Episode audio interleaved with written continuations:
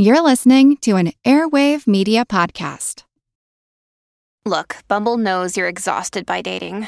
All the must not take yourself too seriously and 6 1 since that matters. And what do I even say other than hey? well, that's why they're introducing an all new Bumble with exciting features to make compatibility easier, starting the chat better, and dating safer.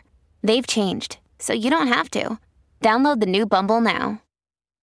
When you need mealtime inspiration, it's worth shopping Kroger, where you'll find over 30,000 mouthwatering choices that excite your inner foodie. And no matter what tasty choice you make, you'll enjoy our everyday low prices, plus extra ways to save, like digital coupons worth over $600 each week. You can also save up to $1 off per gallon at the pump with fuel points. More savings and more inspiring flavors make shopping Kroger worth it every time. Kroger, fresh for everyone. Fuel restrictions apply. This is Kick Ass Politics.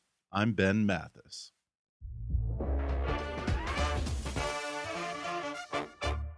Hey, folks, just a quick announcement. We're in the midst of a very important fundraising drive to come up with all of our production costs for 2016. If you like kick ass politics and you value what I'm doing here, then I hope you'll go to gofundme.com backslash kickasspolitics and donate what you can. It's vital that we fund our production budget for the coming year so I can focus my energies on the content side of kick ass politics and keep producing new episodes for you every week. So be a part of what I'm creating here. Just go to gofundme.com backslash kickasspolitics or hit the donate button on our webpage at kickasspolitics.com. Thanks in advance, folks, and now enjoy the show. Hi there, I'm Ben Mathis, and welcome to Kick Ass Politics. Folks, you've probably heard that famous list of supposedly eerie similarities between Abraham Lincoln and John F. Kennedy. You know the one. Lincoln had a secretary named Kennedy, and Kennedy had a secretary named Lincoln, yada, yada, yada. Well, apparently, there's a similar list between Nixon and Clinton. Hear me out, folks. Nixon, his biggest fear, the Cold War. Clinton, his biggest fear, a cold sore. Nixon worried about carpet bombs, while Clinton worried about carpet burns. Nixon, Watergate, Clinton, waterbed. Nixon, known for the slogan, Nixon's the one. Clinton, known for women pointing at him and saying, He's the one. But wait, wait, I got another one for you. There's this big Democrat political guy, high up, worked for Bill and Hillary's campaigns and everything. And one day, he says Richard Nixon was a better president than Bill. In fact, he says Nixon was the most accomplished president and liberal president of the past hundred years. Wait, hang on just a minute. That's not a joke. That's my guest today.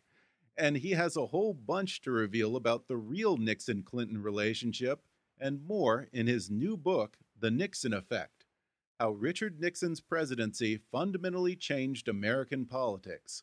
He's Democrat strategist, pollster, and political commentator Doug Schoen. This is the guy who pioneered overnight polling, and he's been one of the most influential Democrat campaign consultants for over 30 years, working on the campaigns of Bill Clinton, Hillary Clinton, Michael Bloomberg, Evan Bayh, Tony Blair, Silvio Berlusconi, and three, count them three, Israeli prime ministers but you probably recognize Doug as a political analyst for Fox News. He's also a frequent contributor to the Wall Street Journal, the Washington Post, and Newsmax. He's written 11 books, including his newest book, The Nixon Effect, and today, Doug Schoen will make the case that Richard Nixon was one of the most accomplished presidents in history and perhaps the most liberal president in modern times. He'll also talk about the profound effect that Nixon has had on politics of the past 40 years, including driving both parties to their extremes and inadvertently giving birth to the modern conservative movement. Coming up with today's guest, Doug Schoen, in just a moment.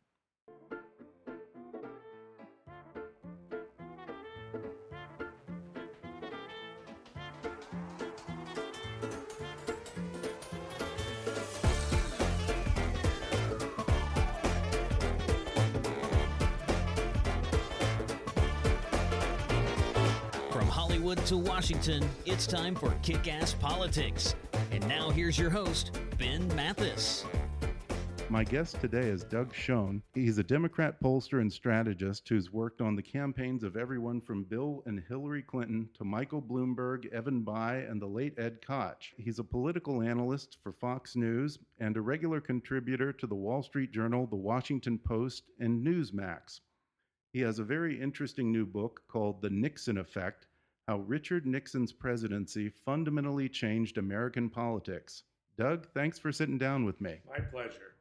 This book is in many ways over 40 years in the making. When you were at Harvard, an old professor of yours and later a client of yours, the late Senator Daniel Patrick Moynihan, gave you an assignment. How did that lead to this book? Well, 43 years ago, uh, he was Professor Moynihan at the time, became Senator Moynihan after being Ambassador Moynihan. Said, You Harvard undergraduates, you don't understand the importance and the role that President Nixon uh, has played in terms of shaping domestic and indeed foreign policy. And he said, You do well to study it, analyze it, and understand it. And 43 years later, I took him up on the assignment, and the Nixon effect is the result of that effort. Well, Nixon is such a polarizing figure today, and he's often used as kind of the worst example of conservatism gone wrong but he was actually a centrist. And you argue that he was probably the most liberal president of at least the last half century, if not the past hundred years. Correct. You have the Clean Air Act, you have uh, the EPA, you have uh, affirmative action, you have he desegregated uh, the vast majority of segregated schools in the South from I think 10% were desegregated to 70% when he left uh, office. He proposed national health insurance of the kind that President Obama himself passed uh, as Obamacare. He supported a guaranteed annual income with his family assistance plan. He was willing to adopt Keynesian economic policies when they suited his administration. So, on balance, we have a president who was extremely, I think, progressive. And for Democrats today, much of his agenda uh, would be very, very congenial with uh, mainstream Democratic thinking. In the book, you say that Nixon drove both parties to their extremes, and we've seen that over the past 40 years. In the case of the GOP, his sort of inadvertent legacy was to create the conservative movement as a reaction against his presidency. Correct. But how did he perhaps more deliberately manage to drive Democrats to the far left and sort of box them in? Two ways. First, by adopting the liberal social uh, welfare policies that we just discussed, that forced the Democrats to move further left. On foreign policy, because he had a plan to uh, Vietnamize the war, which Democrats found woefully inadequate, the Democrats became the party effectively of peace and the legacy of Vietnam, with a couple of small exceptions like the first Gulf War, have driven Democrats to oppose virtually all foreign incursions since then and to be perceived by uh, the American people as being weaker on foreign affairs and foreign policy than the Republicans. So you have a Democratic Party that, on ideological grounds, moved left, but also, given Watergate, the class of senators and congressmen that were elected were so antagonistic to Nixon and the Republicans that the result of his policies were more polarization. Um, and speaking of that polarization, you, you definitely talk about the use of wedge issues to polarize voters as one of the one of his political innovations. But you say Nixon used polarization to grow his coalition. He did. A lot of people would say that sounds counterintuitive. So explain how that works for Nixon. Well, let me start with how he grew the coalition. He had what he called the came to call the silent majority, and he was able to appeal to what had been the solidly democratic South with a set of politics and policies that were uh, oriented towards being tough on crime, tough on demonstrations, uh, those who were anti-systemic. That was how he grew the coalition in the face of the challenge from George Wallace in the 1968 uh, election. The other part of your question, again, if you could repeat it. Oh, I was saying, how does that? A lot of people would think that this idea of growing a coalition by polarizing the electorate, it would be counterintuitive. So how does that work for Nixon? Well, yeah. How, so how, how, do, how does one but, polarize but, but, but grow? yes, exactly. Well, let me speak directly to that. He spoke when there were demonstrations of the broad mass of the American people who didn't demonstrate, who went to work, who paid their bills, paid their mortgage. And candidly, uh, what he did was do an us them campaign where he put, say, 70, 80% of the American people against the small mass of anti war protesters relative to the larger population. Yeah, and earlier you mentioned his Southern strategy, which he kind of had two major gifts, I guess, uh, or, moments of political genius that were the, the invention of the Southern strategy and the invention of the silent majority. You know, first the Southern strategy. For a long time, that's been portrayed by the left as an example of racism in the conservative movement. But you say that it's more complex than It, that. it's much more complex. In fact, Nixon's record, as I suggested in terms of your earlier question, supporting affirmative action, the Philadelphia plan to provide uh, goals and quotas for minorities in federal hiring, desegregation, uh, and appointed more African Americans to high level government jobs than any president, I think, in the 20th century. All of that is a very progressive record on race and race related issues. That being said, the whole strategy was a divide uh, those that protested uh, uh, from those who were, you know, much more likely to buy into uh, pro-systemic arguments. That was perceived, I think, wrongly as a racist strategy. It certainly is the case that many on the left perceive that as having a racial basis. But Nixon uh, was one of the supporters of the 1957 Civil Rights Bill. He uh, competed successfully with John F. Kennedy for the African American vote in 1960 until Kennedy called Martin Luther King in jail and Nixon, for his own reasons, did not. So I, I guess I would say it's a much more complicated and nuanced issue than just Nixon made racial or racist appeals. Yeah, and you know, in this idea of polarizing to grow the party or to grow your coalition, you talk about what you referenced earlier, the silent majority, um, which was kind of this disaffected block of white working class voters. And in the book, you say that that you know back then it was good for growing a majority because they were the majority. Is that strategy starting to kind of backfire on Republicans? Well, I, I think it. I think it is for a couple of reasons. First, the the approach has gotten more extreme as time has gone on, and we've seen that in the primaries. The other thing is with the opposition to any sort of immigration reform, the Republican Party is increasingly alienating itself from Hispanics.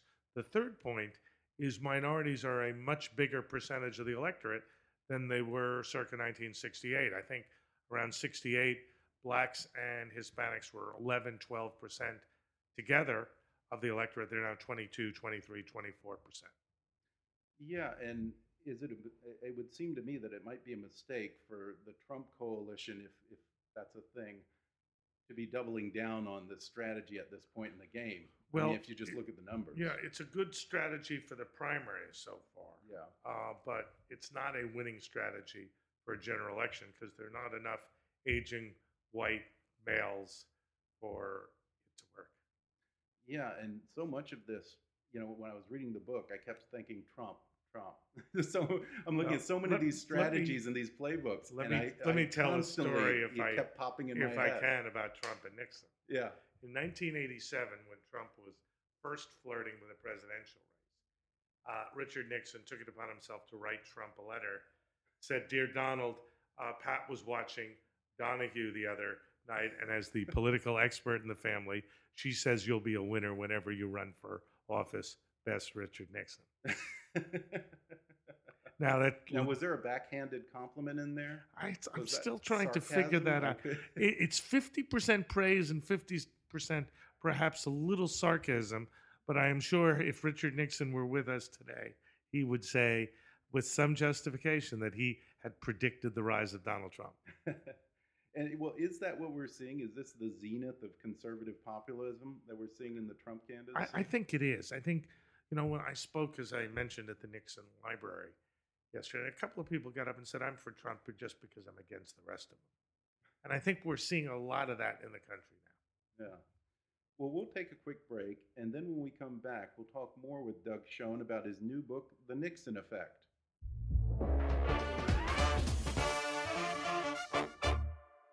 Folks, do you like to read but you don't have the time? Give audiobooks a try. All those times you spend listening to this podcast, you can also be listening to a great book. You can play it on your drive to work, on a run, in the bathtub, while cooking, or just sitting and enjoying one of those rare stolen moments. And right now, you can download any audiobook you want for free with a special promotion for our listeners from audible.com. Just go to audibletrial.com backslash kickasspolitics for a free 30-day trial and a free download of any of Audible's 180,000 titles for your iPhone, Android, Kindle, iPad, or MP3 player. That's audibletrial.com backslash kickasspolitics. Or click on the sponsor link on our webpage to download the free audiobook of your choice. And now, back to the show. We're back, and I'm talking with pollster and strategist Doug Schoen about his new book, The Nixon Effect. You talk at length about Richard Nixon's post presidency in the book, and you say he didn't expect to be forgiven, but he wanted to be respected. What was Nixon's path to redemption like? His path was was basically writing articles and books. He was largely shunned by the political elite. I think the first time and he went to the White House was in 79 after having left 5 years before when the Chinese government at a state dinner asked that he be included, Right. not anyone on the American side. But until really Bill Clinton uh, was elected and invited Nixon to come in the front door of the White House, was Nixon basically pretty much shunned. I think Reagan may have invited him once, but strictly confidentially, not on the public schedule. And so it really was an extraordinary redemption to go from leaving the White House in disgrace, getting mortally ill and recovering, and having led a life of really being a transcendent, transcendent figure in American life up to his passing in 1994. Yeah, and one thing that I found interesting about kind of his wilderness years there, um, he he was pretty consistent in giving foreign policy advice to the Reagan administration. He was actually the one who advocated early on negotiating with the Russians, but then uh, toward the end there, he seemed to kind of change his Correct. tune. Nick, was that Nick- about? Nixon told Reagan after the 1980 election, "You've got to be flexible. You can't just be intransigent. We have to work with the Russians." When Reagan, in the I think the second term, decided he wanted to eliminate all nuclear weapons, and he figured he and Gorbachev could go take a walk and accomplish that. Reagan was one of those who was saying, "Wait a minute, let's not be naive. Let's not trust the Russians." and let's not do anything where we disarm in a way that could put the nation at risk. Yeah, and you know the Reagan administration was just one of many that did appreciate to some to a certain degree his advice, but Mm. kept him at arm's length. And you just mentioned uh, earlier that he had a, a surprising relationship with Clinton, and I was surprised to learn about that in the book. That that was probably you say Nixon's closest relationship Mm. with one of his predecessors in the White House. Um, and setting aside impeachment, you say that Bill Clinton is probably Nixon's truest political heir. Both of them were professional politicians par excellence. Um, both of them lost gubernatorial elections. Both of them were outsiders in society. Um, both of them uh, governed in a way that achieved great success and had great, great failings. And I think there was a personal identification between Nixon and um, Clinton that was arguably unique. And I think Bill Clinton said after his first meeting in 93, if it was, with Nixon, that he got the best advice from Nixon about dealing with the Russians as he got from anybody. And what did you talk about how Bill Clinton borrowed quite a bit from his playbook? What did he learn from Nixon? Well, I was part of the effort, and Richard Nixon. Right. You, you were in the Clinton I, administration. I, I was. I was one of the pollsters and strategists. Uh, Richard Nixon, as we've discussed, was able to move to the center, build a 49 state coalition through uh, both polarizing and bringing people together.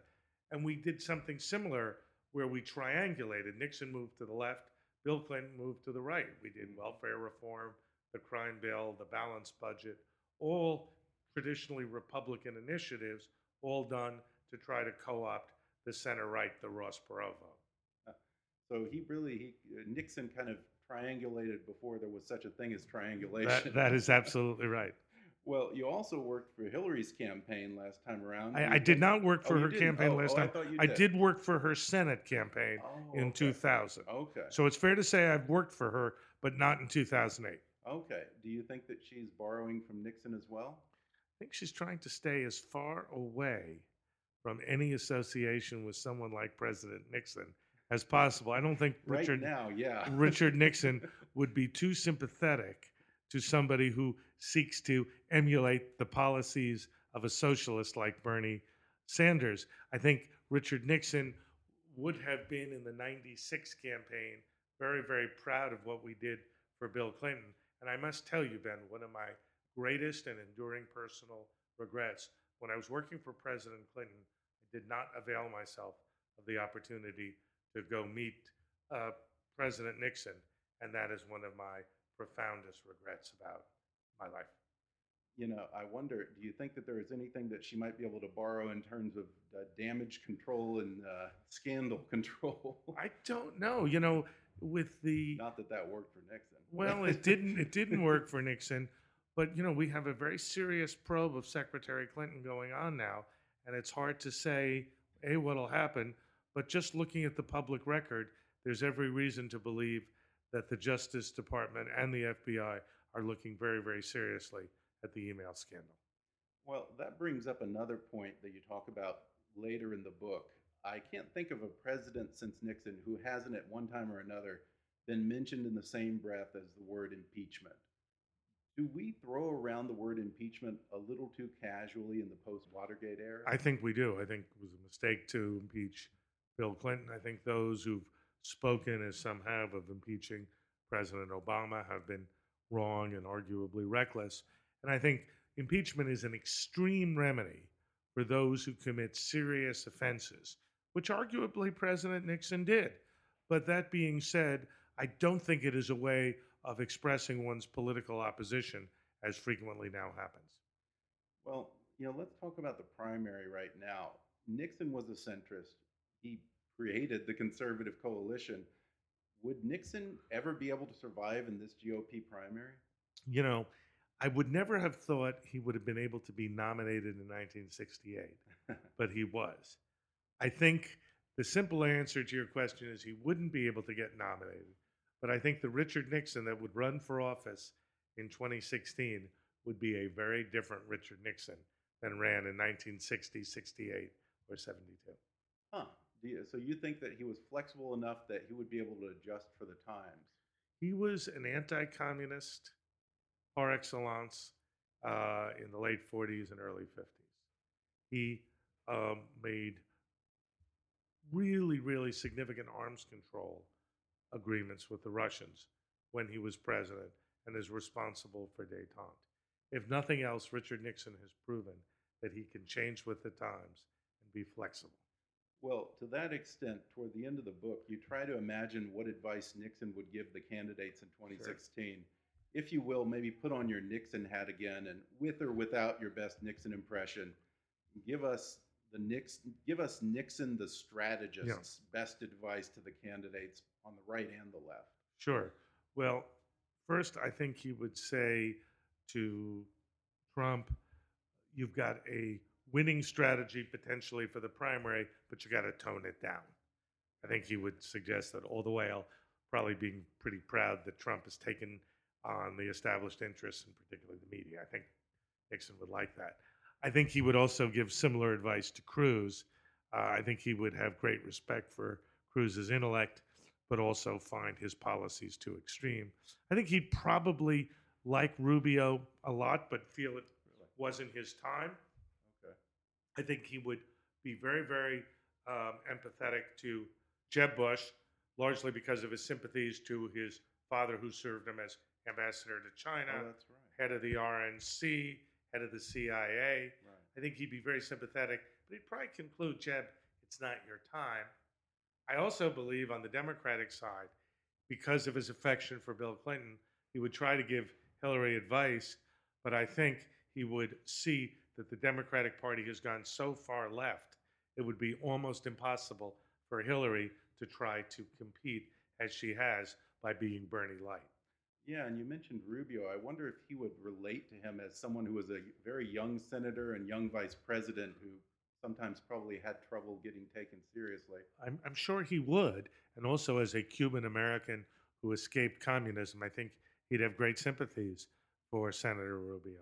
So I think Nixon would have empathetic feelings for all candidates. And I think secretly he would probably root for Trump. And I, this is just Really? speculation. Just because he would admire a man against the system, all the while he'd probably uh, recoil among some of the things Trump's done. But I think in his heart of hearts, he would say something like, I don't know if um, using a little off color language, That's all right. Uh, it's is a podcast. podcast, I think he would sort of say to himself, give it to the bastards. yeah. Meaning mostly the media, the establishment, and the like. But that being said, I think even though Hillary was on the impeachment committee, I think because of right. Bill Clinton, he would probably want to help Hillary beat an avowed Democratic socialist. Yeah, and it is interesting because you know there is there are so many similarities to him and Trump taking on the you know railing against the media, the hatred for the elites, and so forth. So, Exactly, exactly. So, you know, uh, it would be fascinating, though. well, I do want to ask you one non-Nixon question Sure. before we run out of time. Please. You're one of the most respected pollsters in the country, so I have to ask, what's going on with, with polling? Over the past four, Very- four years, we've seen a string of Yeah. these misses. You know, Sure. with the 2012 election, the British election, the Sure. Israeli election. Sure. What's Ver- going ver- on? Why very are the good- polls missing the mark? Very good question. First, it's tougher and tougher to reach people on the phone. We don't know the real Cell correct phone. mix between landlines and cell phones, and it's tougher to reach people on cell phones, and most people, like me, use it as their primary means of communication.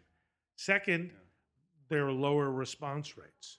Third, I think there may be differential response rates where liberals are more likely to respond than are conservatives uh, to um, uh, polls. And, and fourth, the electorate changes so rapidly. Unless you poll up until the last minute, like the day before an election, you can you can miss it. You can get it wrong. Wow. So, what are the fixes then for that? You know- or are there? The dirty little secret is we don't know what the fixes are. Some are doing online polling, but that misses one segment of the electorate.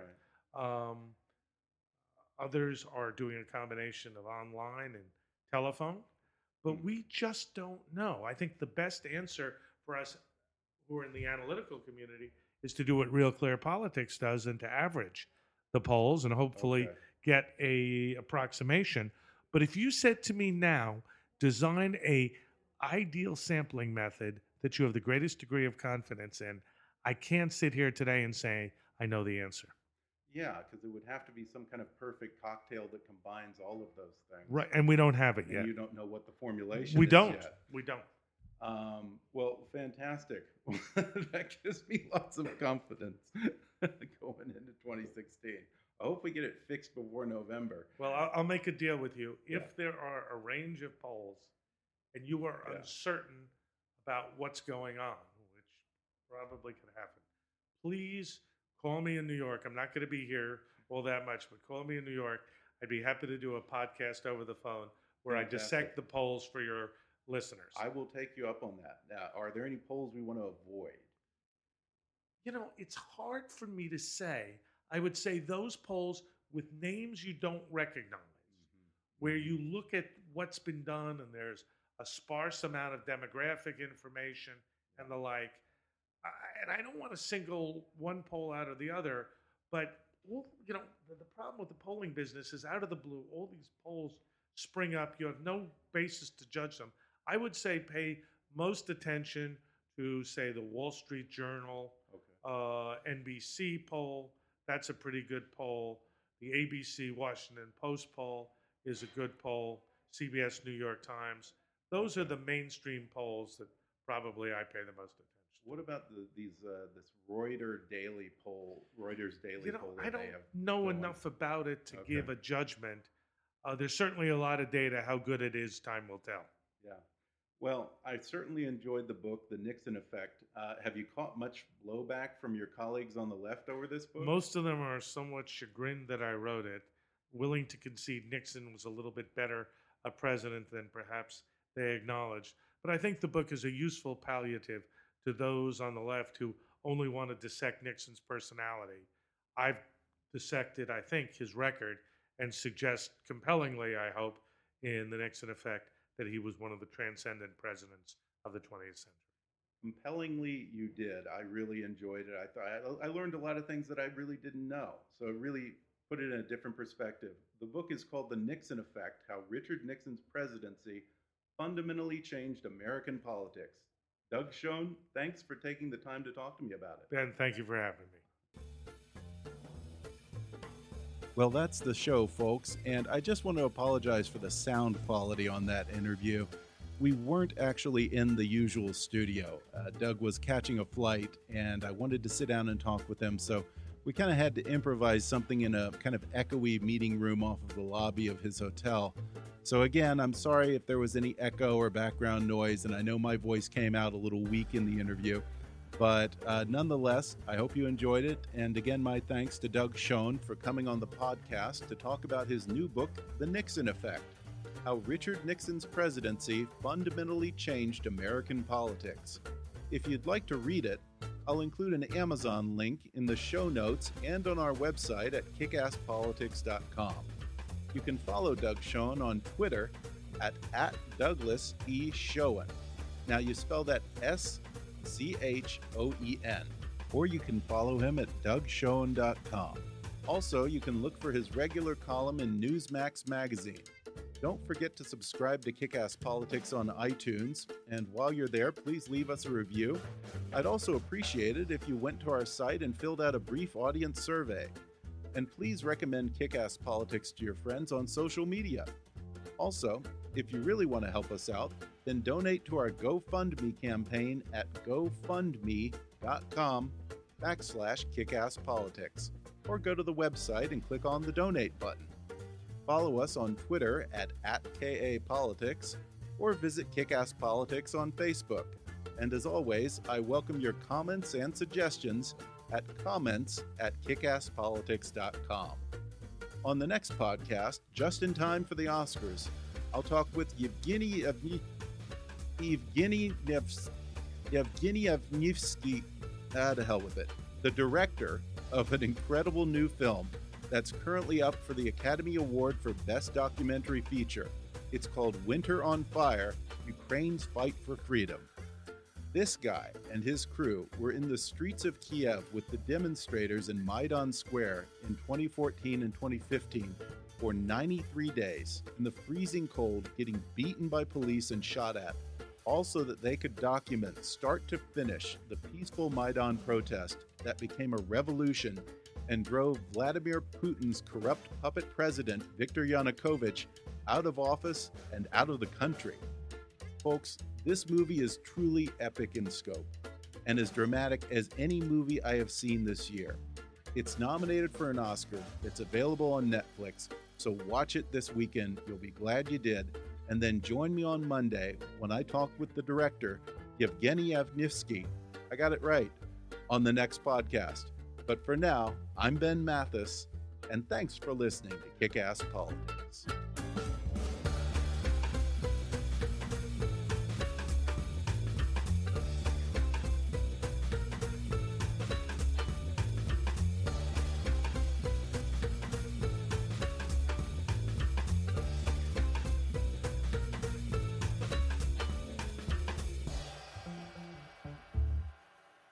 This podcast may not be reproduced without express written permission. Kick Ass Politics is a trademark of Mathis Entertainment, Inc.